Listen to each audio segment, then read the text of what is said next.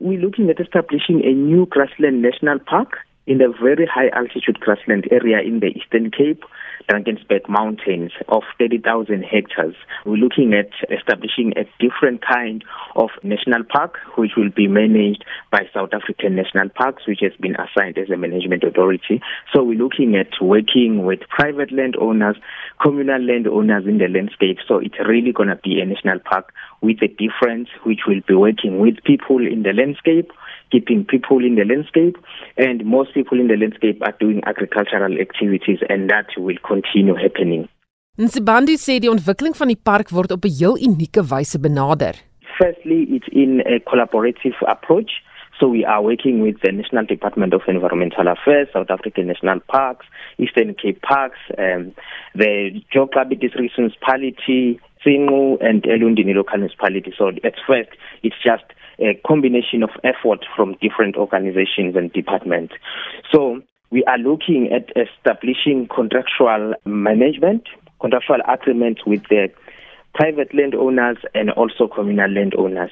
So in this way, the landowners will be able to participate in the project or to form part of the national park. Nsibandi sê die park sal ook watersekuriteit verseker. These areas are very much important in terms of our livelihood and water provision.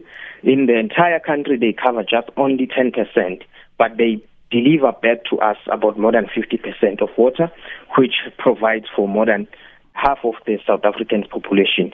So they are very important in terms of conservation. They need to be well taken care of.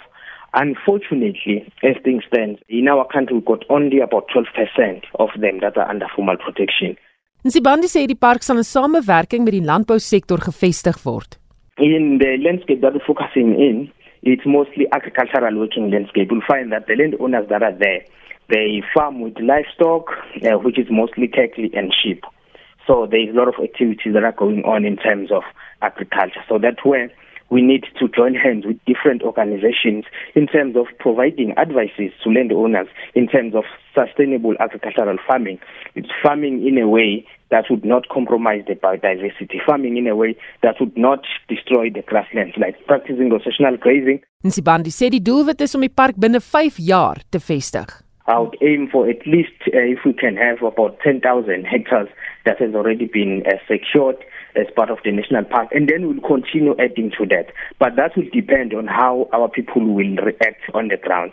Unfortunately, or fortunately enough, in this project, in the kind of uh, establishing protected areas, we work according to our people's pace. We don't want to put pressure on our people. We want to make sure that they understand the process and then they, they can see what the value of it is and then we'll move with the pace.